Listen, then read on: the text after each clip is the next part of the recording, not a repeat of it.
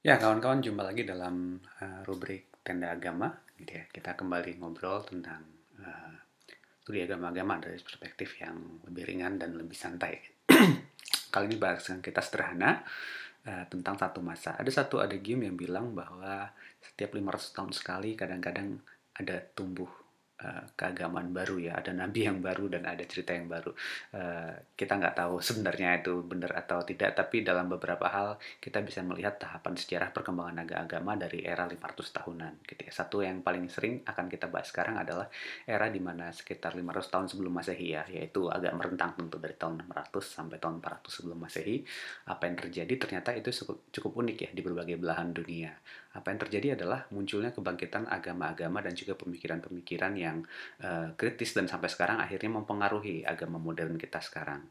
Gitu. Jadi di era itu adalah era yang sangat menarik karena di masa itu sebelum ini jauh sebelum Islam dan Kristen muncul ya, tapi di beberapa tempat di dunia akhirnya berkembang satu pemikiran dan satu cerita tentang perkembangan agama yang menarik sekali dan akhirnya menjadi dasar banyak sekali yang kita pakai uh, dalam sisi agama kita sekarang. Uh, itu menonjol dalam beberapa tempat, misalnya di Tiongkok itu kemunculan uh, Konfusius ya, Konfusianisme sekitar tahun 600 sebelum Masehi dan juga mungkin di 550 sebelum Masehi ya.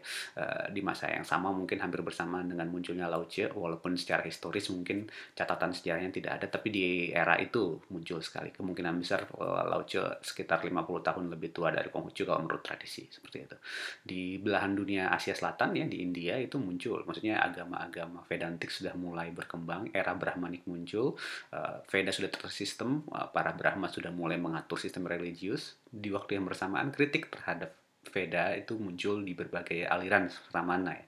Uh, aliran-aliran yang berbeda dari gerakan tradisi Veda. Yang paling menonjol tentu Jainisme yang sudah muncul sebelumnya, tapi di era itu adalah kemunculan Mahavira sebagai Tirthankara ke 24 dari Jains dan yang akan menjadi kritik terbesar gitu ya menjadi tantangan terbesar dan akhirnya mengembangkan Jainisme lebih luas dan menjadi banyak sekali pengikutnya. Di waktu yang hampir bersamaan setelah itu ada Buddha Siddhartha Gautama muncul dan akhirnya um, mengajarkan kebijaksanaan yang berbeda dengan tradisi Vedantik yang lain. Jadi berkompetisi di sana di era-era sekitar antara 600 sampai 500 uh, sampai 400 sebelum masehi lah ya. Jadi uh, era yang sangat berkembang. Di dunia barat itu kemunculan filsuf-filsuf alam ya Thales di Yunani dari Miletus dan uh, para filsuf alam Yunani lain mulai mengkritisi konsep tentang asal mula kosmologi yang semula hanya ajaran mitos-mitos Yunani ya maksudnya cerita-cerita legenda Yunani tapi mereka mencoba mencari jawaban yang logis dan jawaban yang kritis terhadap agama-agama gitu ya.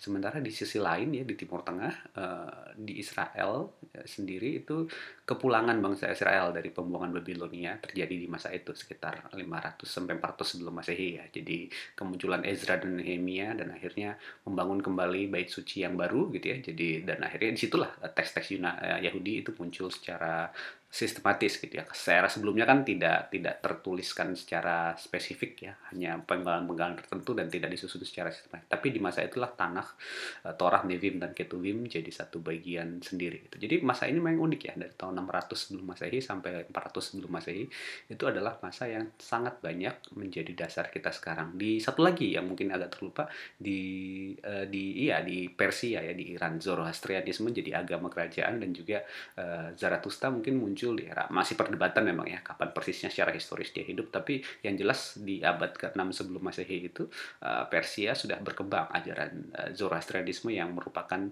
uh, apa sebenarnya Mahdayana ya. Jadi sebenarnya aliran yang sudah diyakini sebelumnya jauh sebelumnya sama seperti di di tradisi Jains dan Konghucu gitu kan. Itu ajaran yang sudah sebelumnya ada namun ada satu sosok yang akhirnya mengembangkannya dan untuk populer secara umum gitu ya dimengerti oleh masyarakat secara umum.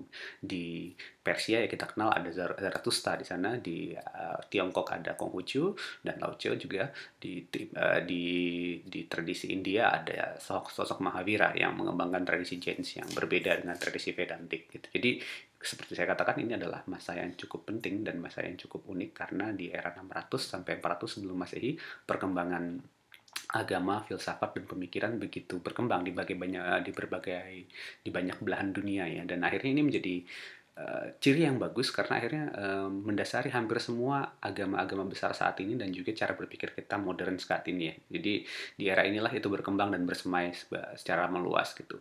Ciri yang paling menonjol adalah kemunculan teks ya. Jadi teks sebelumnya memang teks-teks religius dan teks-teks pemikiran sudah ada, tapi di masa ini adalah itu masa yang paling produktif banyak sekali teks-teks keagamaan muncul gitu ya. Jadi ya uh, seperti kita bilang tadi di tradisi Yahudi sebenarnya sudah ada tanah sebelumnya, tapi di era inilah itu terkompilasi gitu. seperti seperti juga tulisan-tulisan Avesta dari Zarathustra, uh, seperti juga uh, kitab kitab analeknya Konghucu dan juga uh, maksudnya Ruchiao yang merupakan agama klasik Tiongkok itu akhirnya dikemas dalam tulisan yang lebih dimengerti oleh populer. Jadi ciri, ciri yang paling menonjol adalah munculnya teks-teks religius di banyak tempat gitu. Jadi terkompilasi gitu ya. Jadi terkompilasi. Veda juga kan sebelumnya sangat menyebar gitu, tapi akhirnya terkompilasi di era ini oleh para Brahman waktu itu sehingga ada struktur masyarakat yang mendukung yang demikian.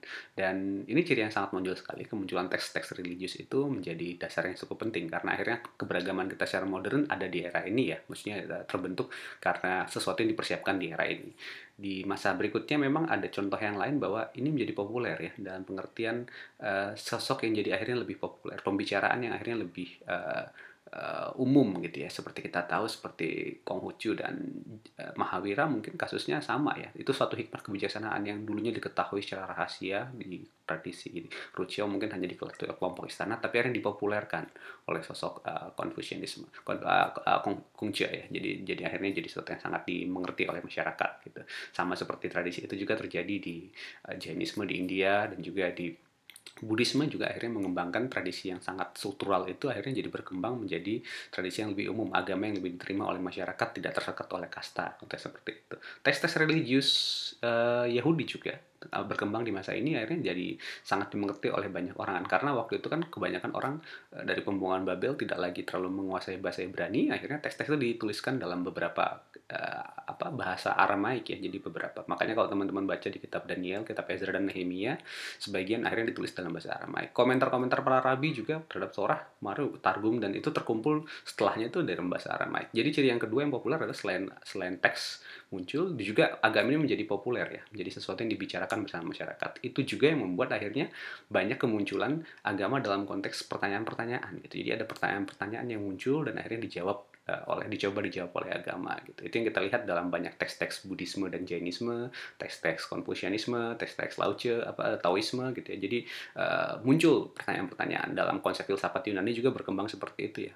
Muncul pertanyaan-pertanyaan apa asal mula semesta, pertanyaan tentang kehidupan paling banyak, asal mula manusia, bagaimana dunia, bagaimana uh, manusia harus bersikap soal itu, pertanyaan soal keadilan, soal sistem masyarakat, soal hal-hal yang lain itu muncul di hal-hal ini. Jadi sebelum-sebelumnya pertanyaan itu jelas sudah sudah ada gitu. Tapi di masa ini itu terkompilasi dan menjadi bagian dari ajaran agama. Ini sangat penting teman-teman untuk dilihat karena ya walaupun sebenarnya tidak seluruh dunia ya karena ini terbatas di wilayah Eropa uh, uh, Laut Asia Eropa uh, Asia Kecil, Timur Tengah, Afrika Utara, eh, Asia Selatan dan Asia Timur ya gitu. Tapi ini jelas jadi suatu perkembangan karena berikutnya di masa berikutnya akhirnya uh, ini menjadi agama yang ekspansif ya setelah itu dia meluas ke beberapa tempat yang lain. Belum waktu ini kasusnya memang kebanyakan agama-agama itu adalah agama yang lokal sifatnya, tapi sudah sangat siap untuk uh, menjadi ekspansi keluar jadi agama yang universal gitu. Kita tahu setelah itu masa yang cukup panjang Hindu dan Buddha akhirnya berkembang sampai ke Nusantara apa tradisi Konfusianisme akhirnya berkembang sampai ke Indochina sampai ke Korea dan Jepang gitu ya. Buddhisme juga akhirnya menyebar di hampir semua Asia Timur dan Asia Selatan gitu, uh, di masa itu. Tapi di masa-masa ini masih persemaiannya jadi peralihan nah, ciri yang berikutnya adalah ini adalah peralihan dari uh, agama yang sifatnya lokal mulai menjadi universal. Nilai value yang diangkatnya menjadi universal. Dan ini memang menarik karena akhirnya perkembangan agama-agama besar dunia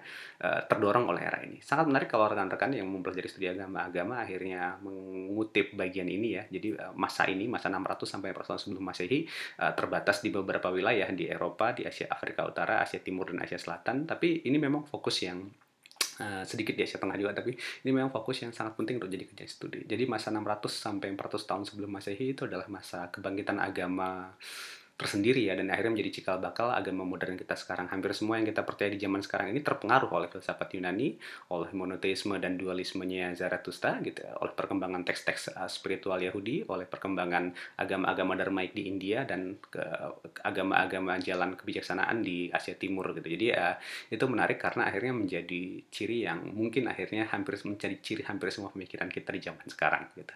Nah, era ini teman-teman boleh dipelajari lebih lanjut dan menarik untuk dikaji, tapi saya boleh mengatakan ini adalah era tersendiri dalam perkembangan agama yang akhirnya mendasari kenapa akhirnya bisa jadi agama universal. Jadi ciri-ciri yang menonjol adalah tadi teks suci yang muncul, adanya teks-teks yang semakin masif ya waktu itu, terus menjadi populer, gitu ya. tidak hanya dimiliki oleh kaum elit, tapi menjadi perkembangan agama tersendiri.